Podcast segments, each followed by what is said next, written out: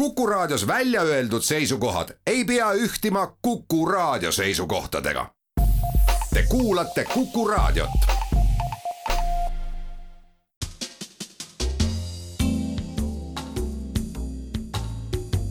tarkade klubi tere taas! kuku raadio Tarkade klubi tervitab häid kuulajaid Vana-Rooma kõikvõimalike uste, väravate ja muude sissepääsude eest vastutanud Jumala Jaanuse nimelise kuu neljandal, aga mitte veel viimasel laupäeval nädalal, mis pakkunud tuult ja tormi, tundeid, mis tekkinud elektriarvetest ja emotsioone, mis tekkinud omakorda nendest tunnetest, kui spordiajakirjanduse klassikat parafraseerida. naastes korra täna talvisele kuule nime andnud Vana-Rooma jumaluse juurde, on väga hea meel tõdeda tema sidet armastatud ja paljudele kuulajatele ka kindlasti väga armsa kõige suurema sõbra Leopoldiga, sest nagu teame, Priit Taimla loodud laulu läbi olid ka talle valla uksed ja ta hing, silmad-kõrvad ja ka perekonnaring. Uuste jumalal Jaanusel, nagu teame, oli neid kõrvu ja silmi tulenevalt kahest näost suisa topelt nii et see igati meelevaldne võrdlus nüüd võiks ka kõige mõttetihedama harjutusega kodufilosoofid talvisel ajal veidikeseks tegevusse jätta. tarkade klubi oma mõttetihedas dialoogis alustab, jättes Jaanuse ja Leopoldi nüüd selja taha ja tegeledes lähema tunni jooksul ette antud teemade ja küsimustega. meil on ütlemata hea meel näha ja kuulda Tartu stuudios üle mitme aja head geograafi ja molekulaarbioloogi Tartu Ülikooli evolutsioonilise genoomika professorit Mait Metspalu. tere hommikust! Maidu paarilisena, aga veel akadeemilise tiitlita, aga kindlasti seda humanitaarias väärivat kirja- ja filmimeest erudiit Andres Keili. tere päevast! Tallinna stuudios on samuti üle mitme aja hea meel kohata ja võõrustada Vikipeedia administraatorit, auhinnatud ulmekirjanikku ja meistrikandidaati Kabes, Taivo Risti. tere! ja Taivo paarilisena, nagu ikka, ehitus- ja kunsti suurmeistrit rühmitusest Vedelik, Martti Suurorgu. tervist! hea meel, et te olete meiega. tänase saate kümme küsimust on jaotunud osalt tavapäraste, osalt tavapäratute teemade alla ja need teemad on järgmised. huvitavaid maksevahendeid, astronoomia talvised eripärad, kultuur, loodus ja taliolümpiamängud küsimuste autorid on täna Kivimäe kooli ajaloo ja ühiskonnaõpetuse õpetaja Margus Pillau, ingliranna patrioot Enno Sivadi, raadiokuulajad Tarmo Niinepuu ja Mait Soasepp ja siinkõneleja Timo Tarve. alustame ja anname avavaliku õiguse Tartusse, kus on siis istet võtnud professor Metspalu ja Andres Pimik-Keil. no minu, minul oleks valida siin nelja hulgast, kuidas sulle tundub? Ei no anti viis no mis me võtame, lähme äh, siis äh, olümpiaga kohe või? ei, ei, ei, maksevahendeid võtaks ikka. võtame maksevahendid, selge. huvitavaid maksevahendeid ja see on kuulaja Mait Soasepp, kes kohe küsib. aasta nelisada kaheksa, Anna Domini. esimest korda kaheksasaja aasta jooksul oli tollane maailma suurim linn Rooma oma kaheksasaja tuhande elanikuga Visgootide kuninga Alarik Esimese piiramisrõngas Roomas valitses hirm, nälg ja haigused imperaator Honorius oli linnast põgenenud. siiski otsustas Alarik sedakorda linna mitte rüüstada, vaid jõudis senatiga kokkuleppele lunaraha osas. lunarahaks maksti tänases kaalus circa kaks tuhat kilogrammi kulda, umbes kümme tuhat kilogrammi hõbedat, neli tuhat siidtuunikat, kolm tuhat sarlakpunast kangast ja kaks tuhat kilogrammi veel midagi, ühe liaantaime seemneid mida konkreetselt siis see veel midagi tähendab, mida soovis ja ka sai Alarik Esimene lunarahaks? liaantaime seemneid. kuulan sind. ja mind jah. liaantaim ja seemned. Tarzan Hu. humal, humal ei lähe kuidagi, seal on käbid ja. seal on käbid jah, aga oota, aga mis on. kilogrammi on. no aga Rooma ja õlu no õlut meeldib juua ju ilmselt ikkagi. ei no jaa, aga need on noh, selle vaata äh, humala käbi on ju see, mille sa paned õlle sisse ja seal on seemned sees, eks ole. nojah, aga mikspärast peaks äh, viskoodid tahtma äh, humalat äh, neil pistolised endal ja. ja tegelikult ka viinamari, vähemasti nüüdsel ajal kasvab seal, jumal hoidku, Lätiski. aga tollal ilmselt muidugi nii kaugel põhjal, põhjas kindlasti mitte ma ei tea, kuidas, kuidas oli kaks tuhat viissada aastat tagasi kliima, kas ta oli äkki gramm soojem kui praegu tegelikult? ei noh, see pigem on see, et on, need on aretatud, neid sorte mm, -hmm. aga ülejäänud asjad on ikka nagu niisugused teada-tuntud äh, siis kauplemisvahendid, maksevahendid, kuld ja hõbe ja tuunikad. mm -hmm. äkki on midagi huvitavamat kui õlu või vein. no aga mis see võib olla, no mis äh, kanep millest näiteks noh, see ei ole nüüd küll Itaalia, sealt natuke, sealt vähe edasi mere peale minna, siis seal oli lilla värviga käis, lilla värvi tegemisel oli millest seda tehti, see oli väga popp värk. aga kas mõni meretaim võib olla liaantaim üleüldse? pigem vist mitte. mingi vetikas? Õnneks ma olen, ei ole bio, bioloog kohe väga tõsiseks läks kohe esimese hooga aga sa ei mäleta äh, nagu näiteks Kreeta saar ja siis äh, lilla värv, et millest seda tehti? Mis värk sellega oli? ma, noh, ma tean seda, et sinine oli nagu kõige kallim ja keerukam, eks ole, mida tehti üldse mingisugusest mineraalist, keskajal vähemalt. tehakse erinevatest asjadest, ühte sinist äh, lasuur. minu arust äh, lehmakusest, mida saab siis keeta nagu äh, päevade viisi. aga, aga mingisugune lilla oli seal, aga noh, jah, see on ei no jaa, aga no mis ta, nojah. jah, ma, ma haaran praegult nagu lihtsalt, kuidas ma ütlen. särgi värvist särgi, aa, särgi värvist, jah tõepoolest. aga siis äh, okei okay,, no viinamari, kas kanep võiks olla liantaim või? ei no kanep, vot nüüd lian, liantaim ikkagi mm. -hmm. ikkagi see, sedapuhku, sedapuhku siiski ei ole. tema on ikkagi rohtaim, nagu ütleb ka, ütleb ka tema mm -hmm. ingliskeelne selline tänavanimetus grass mm. -hmm, mm -hmm. meil ei ole üldse nagu selline äh, põnev ja kaasakiskuv äh, ei ole jah, äh, ja siis ütleme, jah, lõpetame ära ja ütleme Viinamari. ei ole Viinamari õige ja ei ole ka õige see, et see pole kaasakiskuv arutelu, on küll tegelikult põnev kuulda, kuidas sinist värvi, millest saab kõigest teha. nii, aga palun, Taivo ja Martti ega meil mingisuguseid muid eh, ideid eriti ei olnud peale selle, et see kaks tuhat kilogrammi liaantaimeseemneid, see on kaks tonni, see on ikka täitsa suur kogus võib-olla on asi selles, et need peaksid olema mingisugused suured seemned, sellepärast et kui need seemned on pisikesed, siis neid seemneid tuleks ikka tohutul hulgal, et kaks tonni täis saada. aga kui see on ümber piiratud, Rooma linn oli ümber piiratud, neil ei olnud ju kusagilt väljastpoolt linna võtta neid äh, seemneid nii tohutult palju. see peab olema midagi niisugust, mida linnas äh, ka ilma ümber piiramata normaalses olukorras on kaks tonni, aga samas tegemist ei saa olla oot-oot, liaantaim, puu võib ka olla liaantaim, aga siiski viinamarja seemned ma selles mõttes välistaksin, et viinamarja seemned on no neid on palju vi, viinamarjas, saab kokku ka selle kaks tonni. ma ei tea, võib-olla isegi saaks.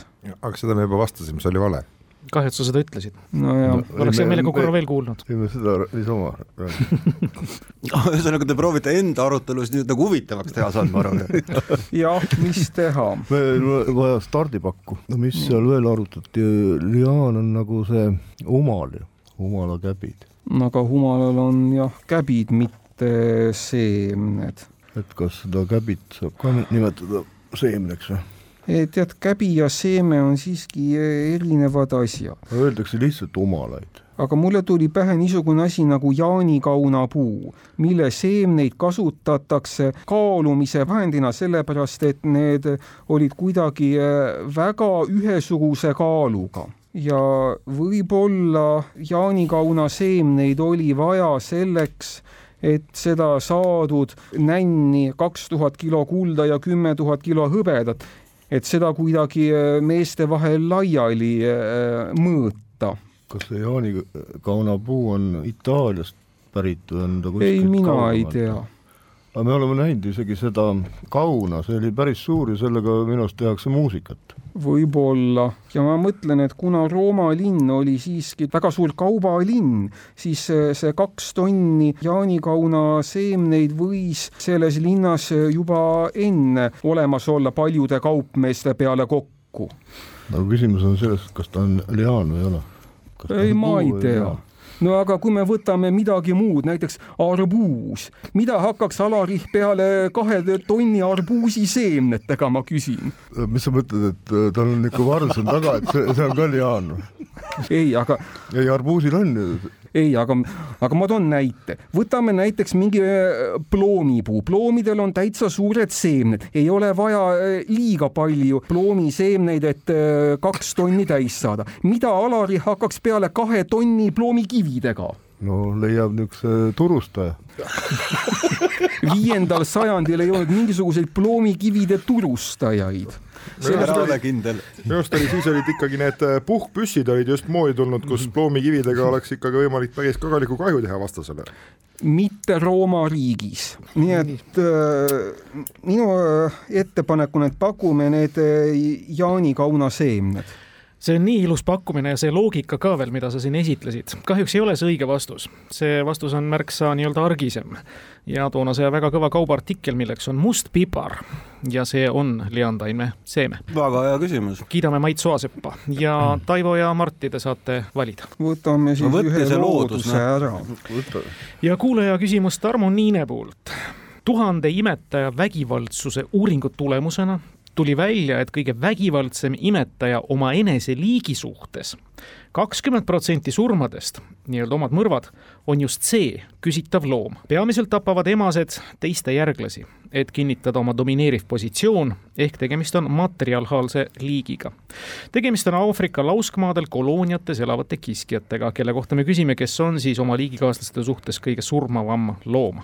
noh, eks niisugusi loomi, kes konkureerivad emaste järglasi, tapavad, ole hulk, mulle tuleb kas või šimpansid meelde, aga kui küsimuses öeldi, et kiskja, siis šimpansit ei saa pakkuda.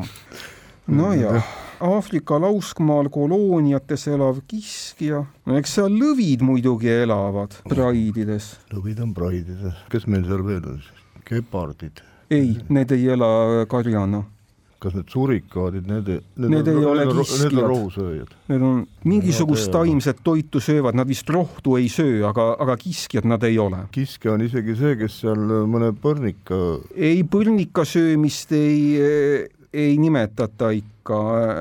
tähendab, kui, kui imetaja sööb põrnika ära, siis seda imetajat ei nimetata kiskjaks. no kass on ka kiskja vist? jah, on.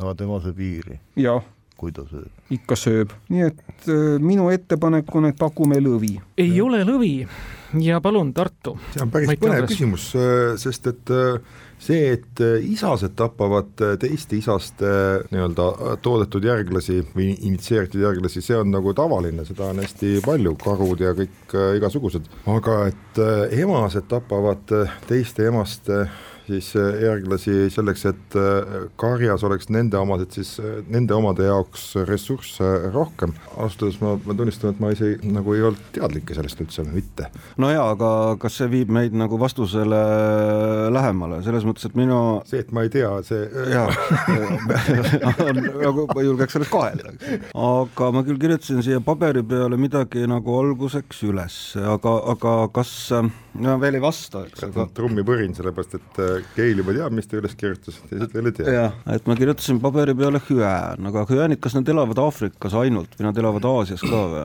ei, nemad jah, ikka peaks olema ikka Aafrikas, et noh, nagu paljude osade liikidega on ju see, et näiteks ma ei tea, kui sa tead, kas sa tead, kus kohas elab kõige rohkem kaameleid noh, ärme läheme teemast kõrvale, aga vastus vist umbes, et peaks olema Austraalia, kuigi nad tegelikult on, eks ole, mujalt pärit mm. -hmm. aga hüeen on selles mõttes, ma arvan, päris hea pakkumine, sest need kindlasti elavad äh, karjas ja minu arust seal on äh, ka see natuke analoogsed tegelased, küll fülogeneetiliselt mitte väga lähedal, on hüäänkoerad kes on niisugused äh, nagu pealt pealevaates jube armsakesed, eks ole, et selles mõttes nagu kuna hüäänid ikka noh, aga muusad näevad ikka väga koledad välja, et siis mm -hmm, nagu mhm, tahaks mm -hmm. nagu neist rohkem uskuda sellist äh... jaa, aga oota, aga mõtleme korra veel nagu milliseid nagu karjas elavaid kiskjaid Aafrikast me nagu veel teame, eks ole, kasslased äh... no see peab olema niisugune, kus on suur kari, sellepärast et, et mingid äh, lõvid ja niisugused tegelased, kus on väike jah, mingi viis-kuus tükki ja seal ei ole ja. nagu pointi, see peab olema suur kari, selles mõttes sobiksid isegi need hüäänkoerad rohkem, minu arust nendel on suuremad kui,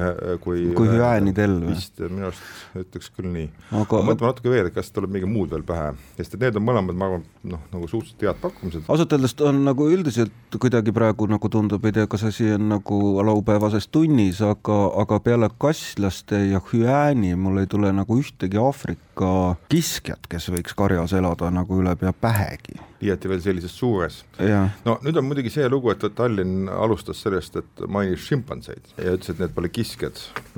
noh, nemad äh, aeg-ajalt ikkagi teisi äh, loomi toiduks ka äh, oota, aga, aga siis on ju ka mingisugused sellised imelised ahvid nagu kabonid näiteks ja, ja makaagid ja reesusmakaagid igasugused ja igasugused siukseid äh,, siukseid tüüpe võiks äh, ka mõelda ka. sest kabonid iseenesest on täitsa sellised nagu kiskja tüüpi, kiskja poole ju, makaagid samamoodi. ma mõtlen, et ma olen mõnda seda David Attenborough filmi vaadanud kus hüäänid ja hüäänkoerad jooksevad ringi ja ma ei mäleta sealt sellist äh, juttu, et emased tapavad äh, teiste emaste järglasi, see on väga täitsa nagu huvitav. no, no šimpansside kohta seda ka ju nagu ausalt öeldes ei seda, seda pigem ka tehakse, eks ole.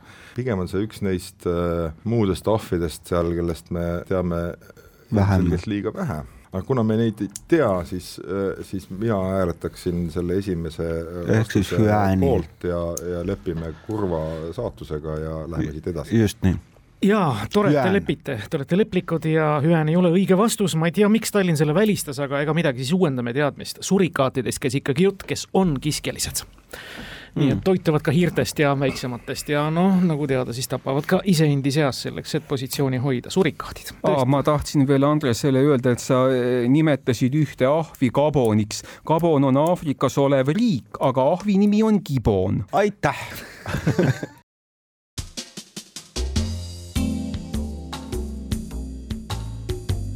tarkade klubi aga nüüd me läheme edasi taliolümpiaga ja nii on. ja taliolümpiamängudega loomulikult peame eeskätt silmas selle rubriigiga peatselt algavaid taliolümpiamänge Pekingis, mingu need hästi. Need küsimused on laenatud raamatust Tuhat olümpiaküsimust ja saavad esitletud autori loal. küsimus kõlab, mille erilise ja seninägematuga paistis silma tuhande üheksasaja seitsmekümne kuuendal aastal Innsbrucki taliolümpiamängude avatseremoonial toimunud tulesüütamine. sarnast pilti sai samal aastal toimunud suveolümpiamängudel Montrealiski näha. hiljem ei ole see üldse mitte haruldane olnud. tulesüütamine seitsekümmend kuus Innsbruck, midagi enneolematut kas see ei võinud siis nüüd olla ikkagi nagu vibu ja nool? mina pean tunnistama, et äh, mina kuulasin sedasama saadet siin pooleldi eelmine nädal vist, seal oli mingi ma mäletan poole kõrvaga. oli ju, ma ka kuulasin. Innsbruck ja uisutamine olid nagu, et seal veel kukkus ja, aga kas see Innsbruckis vist on ka, et iga kolmas aasta peetakse, iga kolmas kord on Innsbruckis taliolümpiamängudest. ei, päris nii hull ei ole, aga. iga teine et seal võib olla, et noh, nagu seda mitu korda olnud. et tulesüütamine ja kukkumine ja Innsbruck ja, ja ei noh, selles mõttes, et nagu kõige tavapärasem on see, et keegi jookseb nagu posti otsa ja paneb tõrvikuga tule põlema, eks ole, siis on korduvalt on lastud noolega tuli põlema. peaks talvel, talveolümpial laskma noolega. siis korra, minu arust see oli Lillehammer, kus tuli, tuli suusahüppetornist alla, aga seal on see suusahüppetorn on kohe kõrval, Innsbruckis minu arust ei ole, on või? Innsbruckis on suusahüppetorn. no aga Montrealis suusahüppetorn Jaapaniga on nagu suhteliselt keeruline. noh, tegelikult oleks päris originaalne. haava pikkus tuleb suusahüppetornist alla ja siis on see, et, et pannakse, süüdatakse tuli mingis rennis ja siis ta läheb niisugune, eks ole. suvel ja talvel samamoodi, no muidugi see on nagu õigustatud küsimus, et miks talvel peaks laskma vibu, eks. Suve... tõenäoliselt ei ole pointi jah, aga kuule, aga mingisugune selline hästi lihtne asi ei ole, kui et, et esimest korda oli gaasi äh, nagu. kuule, naine, esimest korda süütas olümpiatule naine. no. jah nii vastamegi ilus vastus, ei ole kahjuks õige vastus, see juhtus kaheksa aastat varem Meksiko olümpiamängudel, kui Enriqueta Basilio oli esimene naine, kes olümpiatule süütas. Tallinn, mis on teie mõtted? süüdati tikkudega. minu äh, pea, peamine mõte on suur kurbus, et me peame nüüd sellele küsimusele vastama hakkama, aga noh. see tähendab, et teine olümpiaküsimus jääb ka meile või? jah, jääb. süüdati tikkudega ja hiljem äh, siis selle Valgo Mihkliga. see ei ole minu meelest õige asi. Aeg see valmis on, see on ju Kreekast toodud. tuli on Kreekast toodud. aga võib-olla on siis äh, nagu Tartu pakkus, et gaasijuhtmest tulev gaas süüdati seal äh, torni tipus. mismoodi siis ennem oli lõke või? ma ei tea. või mingi muu küttematerjal süsi näiteks. süsi on kuidagi kahtlane. aga see gaas on vana asi. lõket ikka sinna torni otsa ei tehtud päris, aga võib-olla on asi äh, tulesüütaja isikus. Naine, nagu kuulsime, on vale vastus.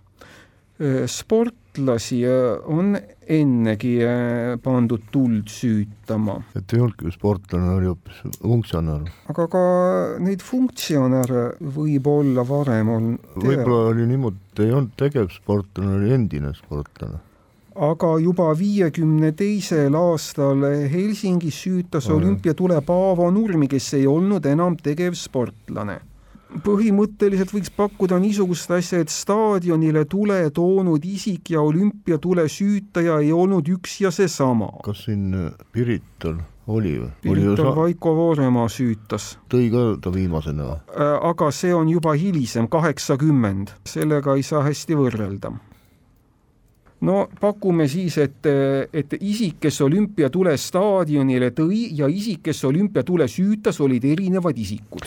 ei ole ka see õige vastus, õige vastus oli märksa lihtsam, tulesüütajaid oli esmakordselt rohkem kui üks, neid oli kaks. kuuekümne neljanda aasta Innsbrucki taliolümpiamängude võitja kiirlaskumises Kristel Haasel ja olümpiavõitja kahekäigul Joosef Feistmantel. hiljem on seda küll ja veel juhtunud, et rohkem kui üks, kaks, vahel terve meeskond on süütanud olümpiatule. see oli õige vastus. nii, ma saan aru, et siit taliolümpiat ei võeta, aga Martti ja Taivo, midagi muud? Võtame siis selle teise looduse ära.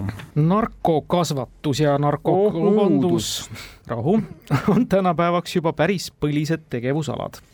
Ideed ja nende realiseerimine vastavates valdkondades on peaaegu alati seaduse silmade meetmetest vähemasti sammu jagu eespool olnud.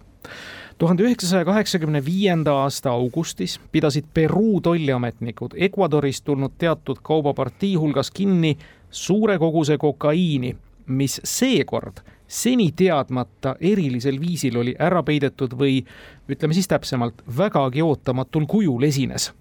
me küsimegi nüüd, millisel viisil või kujul? suve teine pool on selleks igati sobiv aeg ja küsimus on loodusrubriigis. suure koguse pidas kinni, kas ja. on, kas ülesandes on või küsimuses on öeldud, kui suur see suur kogus on? ei, seda ei ole öeldud kahjuks, aga suur kogus. kui me nüüd juura peale mõtleme, siis eh, suur kogus ei pruugi üldse olla väga suur.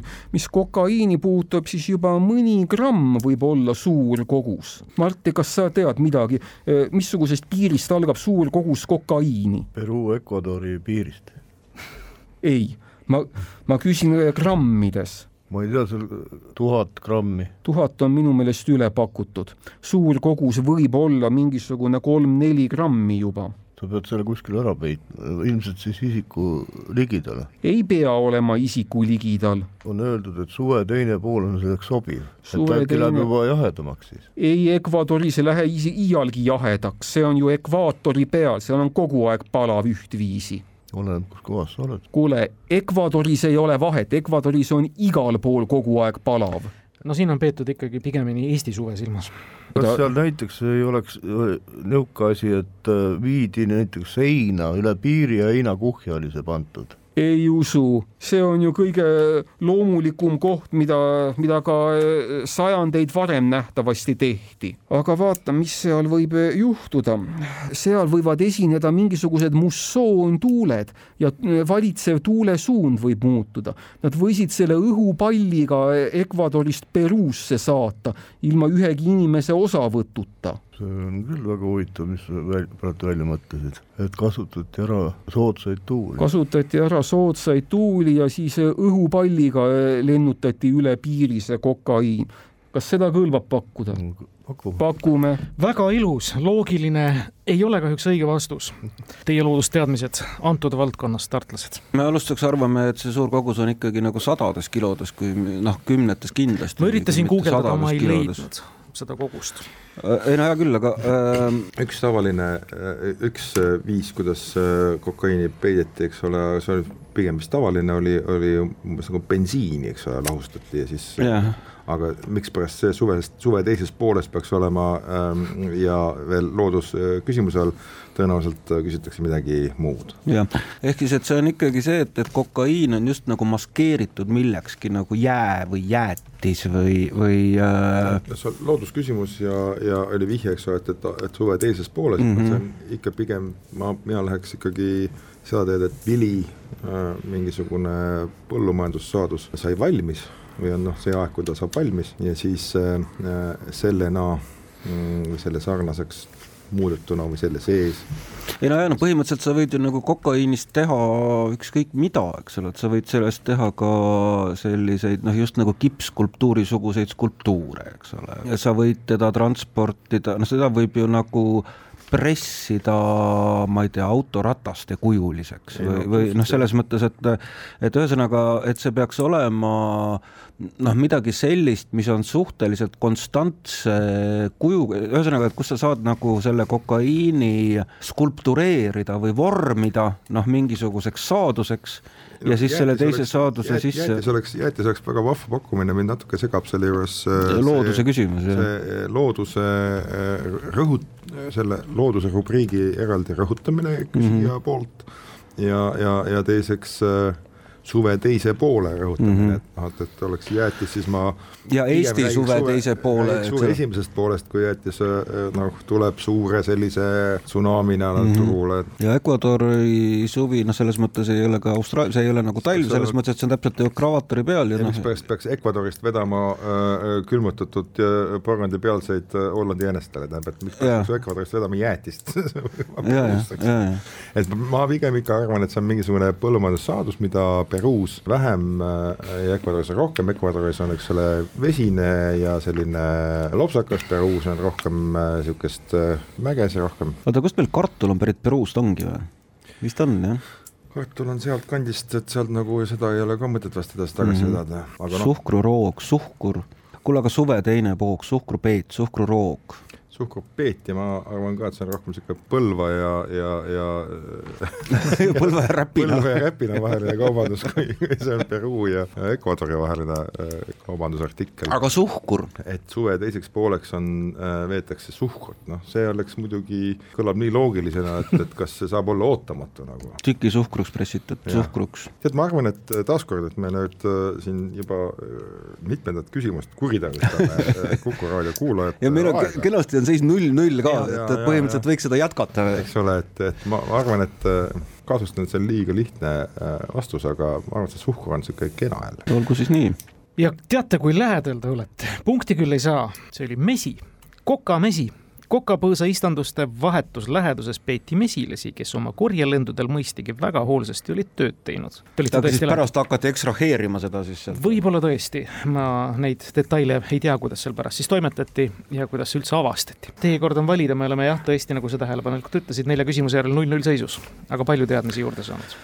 noh, nii no see maksevahendid on väga lõbus teema mm. -hmm. kindlasti ja teine maksevahendite küsimus tuleb Tenno Sivadilt kui tuhande üheksasaja kaheksateistkümnenda aasta kodusõja ajal katkes rahavool Venemaalt, otsustasid Turkestani ANSV Semirešenski, tõlkes siis Seitsme oblasti võimud, trükkida oma rahatähed. Need ringlusesse läinud kupüürid võeti käibelt alles aasta hiljem, tuhande üheksasaja üheksateistkümnenda aasta lõpus.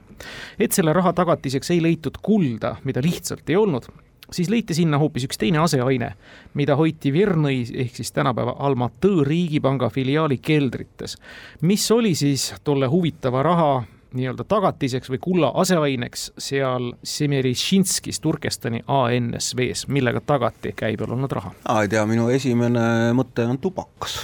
see on midagi, mida seal kasvatatakse ja ta on, teda on nii suur defitsiit, tundub kahtlane. ma kuidagi ei pretendeeri nagu mingile tõele, eks ole, ma lihtsalt teen suu lahti, et inimestel mm -hmm. oleks kuulata midagigi aa, Turkestani ANSV, oota, kus seda, kus see riigipank oli meil? Almatõõs. Almatõõs no õunad ometi mitte. ei siis oleks nagu pool aastat vastu pidanud mm, -hmm. mitte aasta. aga mäed pole kaugel. vask. et mingisugused äh, ütleme, et kui traditsiooniliselt on muidu, eks ole, kuld ja mingi niisugune kraam, eks ole, et siis äh, võiks olla mingisugused kalliskivid, mingisugune smaragdid. no jaa, aga see teeks selle küsimuse nagu mitte väga huvitavaks kohe, eks ole, et äh, püssirohi, tubakas, vass. no need, need, need, need ükski ei ole nagu noh, nagu defitsiit, sa võid rahulikult äh, samas on see, et oota, mingitel rahadel oli mets oli taga. ma hästi mäletan, see vist ei ole väga kaugel, eks ole, see, see riik. see vastab tõele ka vili on olnud tagatiseks muidugi, aga ka miks miks mitte ka näiteks kokaiin? ei, ei, ei, ei. ei, ei noh, sel ajal oli ikkagi juba täiesti nagu äh, kasutuses, eks ole. kui siis, kui siis oopium. õige, nüüd jah. kõlas ära, ma nüüd lõpuks ka päästan paisu tagant mängu valla, oopium on õige vastus ja neid nimetati siis Verni oopiumirahaks, see kant ja oopium ja Tallinn teadis ka pool mängu, me saime skoori avatud, Tartu pool ja kui nüüd ka Tallinn samamoodi plahvatab, siis ma samamoodi ausõna reageerin, kui õiget vastust kuulen, aga valida on muidugi aina vähem taliolümpia no,? ei taha, eelmine läks halvasti ja vaevalt, et teine küsimus paremini läheb. võtame selle astronoomia. kuulake ühte väikest hämmastust, seda hämmastust väljendab meile maestro Jüri Kuuskemaa. teise jaanuari saates Memoria, ta nimelt võttis ette Postimehe, meie hea sõbra Taavi Pae ette manatud kaardi ja mida ta siis nüüd nägi ja mille üle siis imestust avastas. aga kui me vaatame neid, kuidas siin on päikesetõusu ja loojuse, loojumisega, siis siin on küll üsna imekspandavaid asju. nimelt on sinna teatatud, et päike tõuseb Tallinnas üheksa kaheksateist ja läheb looja viisteist kolmkümmend. aga Tartus tõuseb päike seitseteist minutit varem kui Tallinnas, üheksa üksteist, aga läheb looja üks minut hiljem kui Tallinnas, kell viisteist kolmkümmend üks. kui me nüüd seda usume, siis peaks olema niimoodi, et päike, mis liigub teatavasti idast läände, aga õhtupoole, kui päike on Tartust eh, jõudnud Tallinna vupsti, siis päike läheb eh, sinna ida poole tagasi ja läheb minut hiljem looja kui Tallinnas ja Jüri Kuuskemaa pidas seda kõike lõpuks ilmselt Tõravere observatooriumi sekretäri näpukaks või laiskuseks, kes on lihtsalt valed andmed Postimehele edastanud. tegelikult ei olnud asi niimoodi, üldse mitte. selgitage palun, kuidas saab ida pool asuvas Tartus päev hiljem looja minna kui lääne pool Tallinnas? asi on selles, et Tartu on lõuna pool kui Tallinn ja kui nüüd veel põhja poole minna, siis seal juhtub, et äh, üleüldse päike ei tõuse ega looju, seal on polaaröö. Aga noh, mida lõuna poole minna, seda äh, pikemaks need päevad talvel lähevad kõik õige ja sellega on ammendav seletus tõepoolest antud nii Jüri Kuuskemaale kui loomulikult ka headele kuulajatele. vaadake, maa telje kaldnurka meie laiuskradel arvestades kujunebki siis maa ööpäevasel pöörlemisel ümber oma teljetalvise pööripäeva paika olukord, kus päikesetõus algab pigem kagust, lõpeb loodes, aga põhimõtteliselt küll, mida kraad edasi talvisel ajal, seda rohkem nii-öelda pimedamaks läheb. ja päeva ongi lühemalt.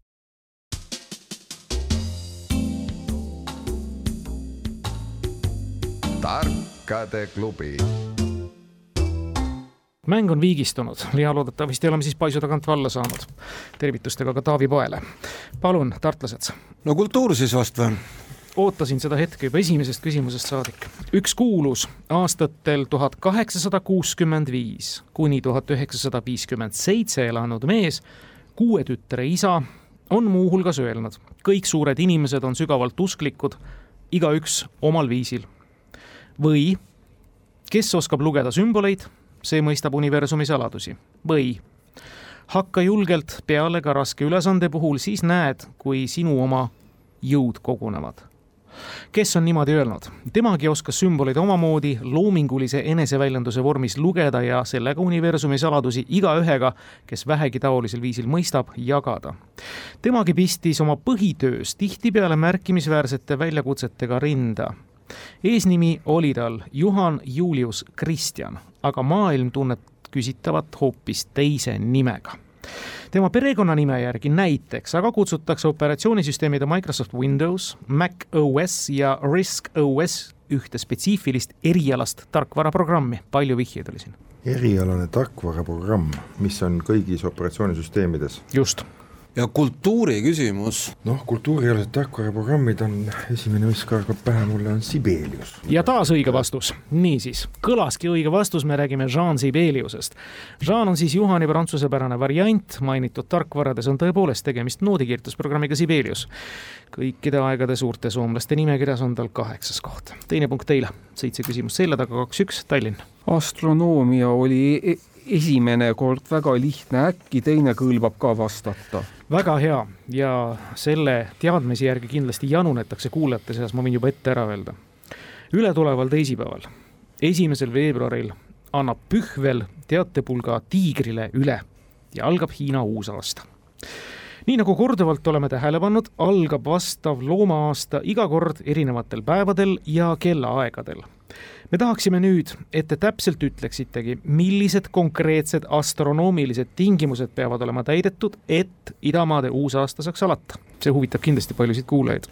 ei, mind ei huvita ma rääkisingi kuulajatest. aga sa ei ole ka kuulaja? jah, tegelikult ma olen siiski kuulaja, aga nojah. Martti, kas sa oskad midagi pakkuda? ei oska oot-oot, me ikka peame midagi vastama. No ma julgen teile nagu vihjeks öelda, et tõenäoliselt see, et Marss on Petrogradis, see ei ole Marss on alati Petrogradis, ma kardan. põhimõtteliselt on siin äh, kaks võimalust, et esimene võimalus on, et päike liigub mingisuguses sodiaagi äh, punkti ja teine võimalus on, et mitte päikese, vaid kuuga, mingisugune kuu loomine. Kumma me siis pakume?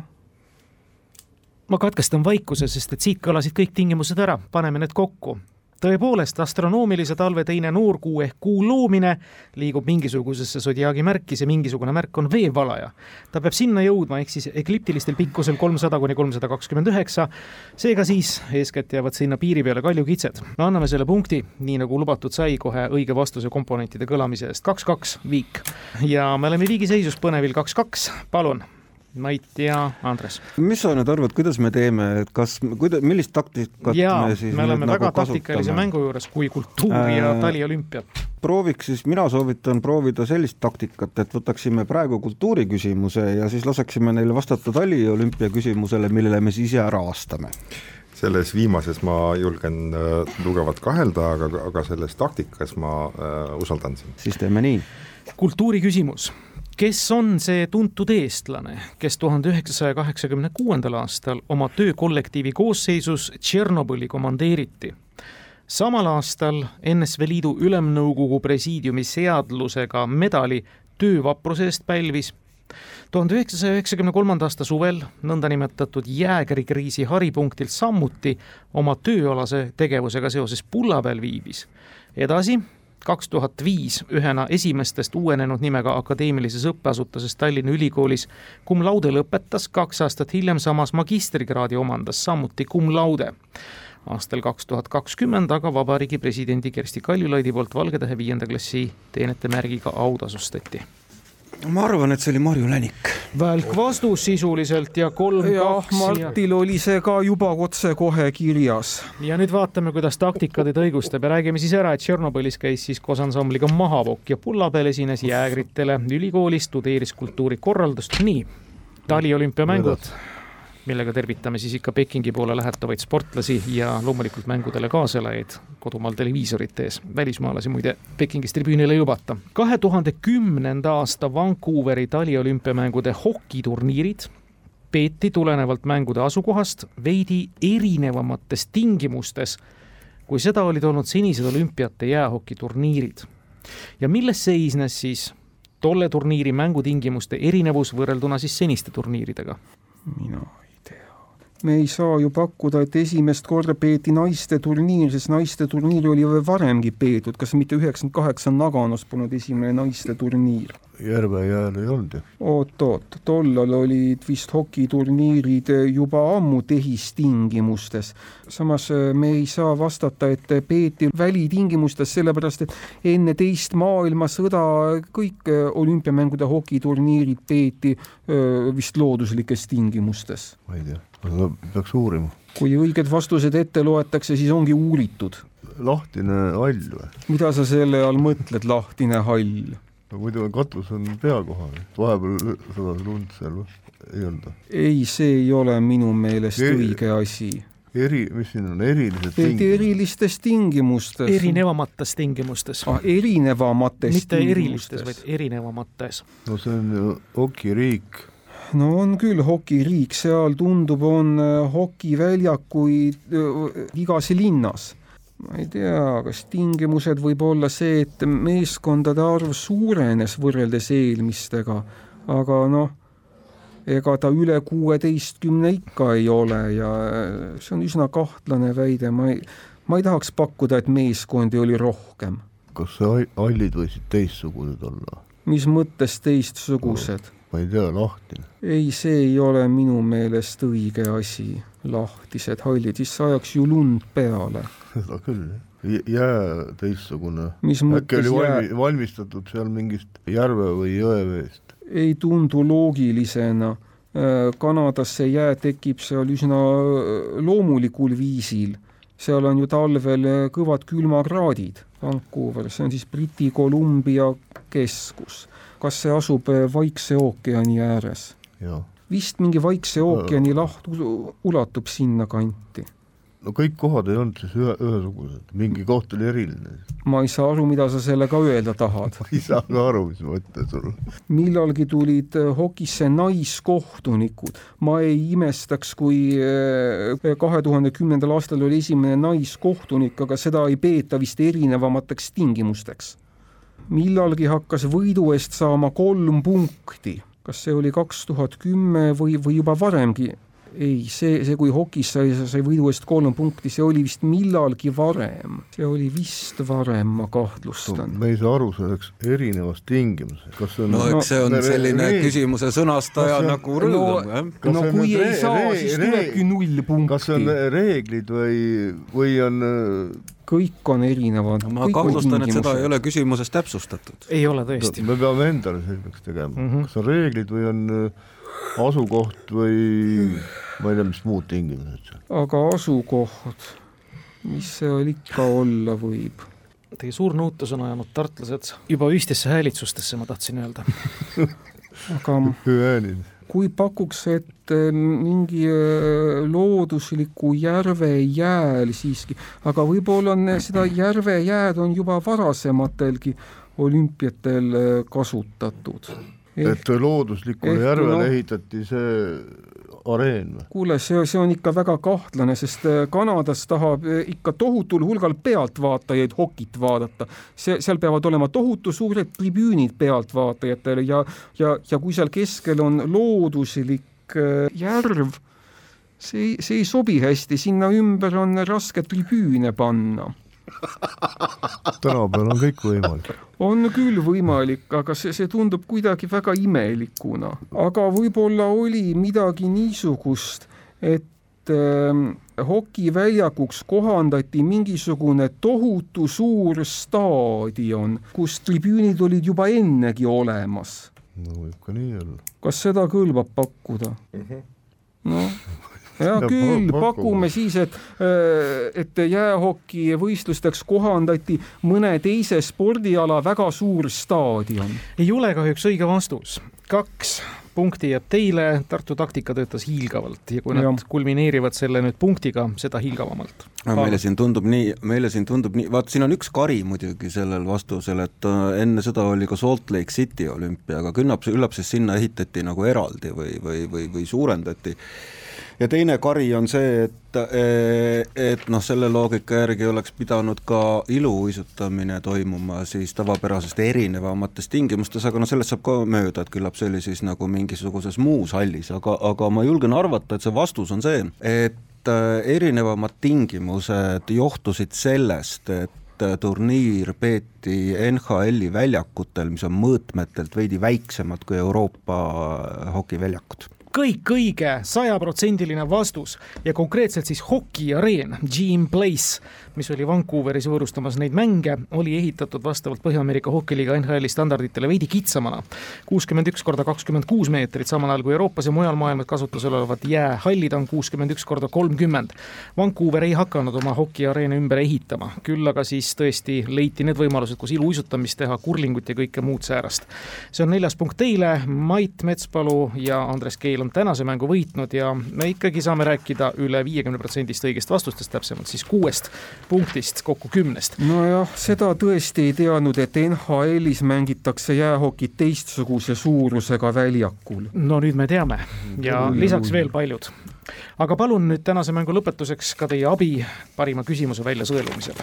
äkki ikka see pipar või? pipar, jah, jah, jah, jah oota, mis see kokaiiniga vastu Me, mesi ja pipar see on mesi- mesi ja pipar on mesi ja pipar jah. jah, klapivad kokku Me- küll ja Mait Soasepp oma debüütküsimusega tänases Tarkade klubis üldse saab siis ka kenasti auhinnatud, ehk siis äh, Rooma piirajate lunarahaks olnud kaks tuhat kilogrammi leandtaimeseemneid ehk siis musta pipart. aitäh, Taivo Marti tänase mängu eest, aitäh, Andres ja professor Mait Metspalu ka tänase mängu eest, uute kuulmisteni.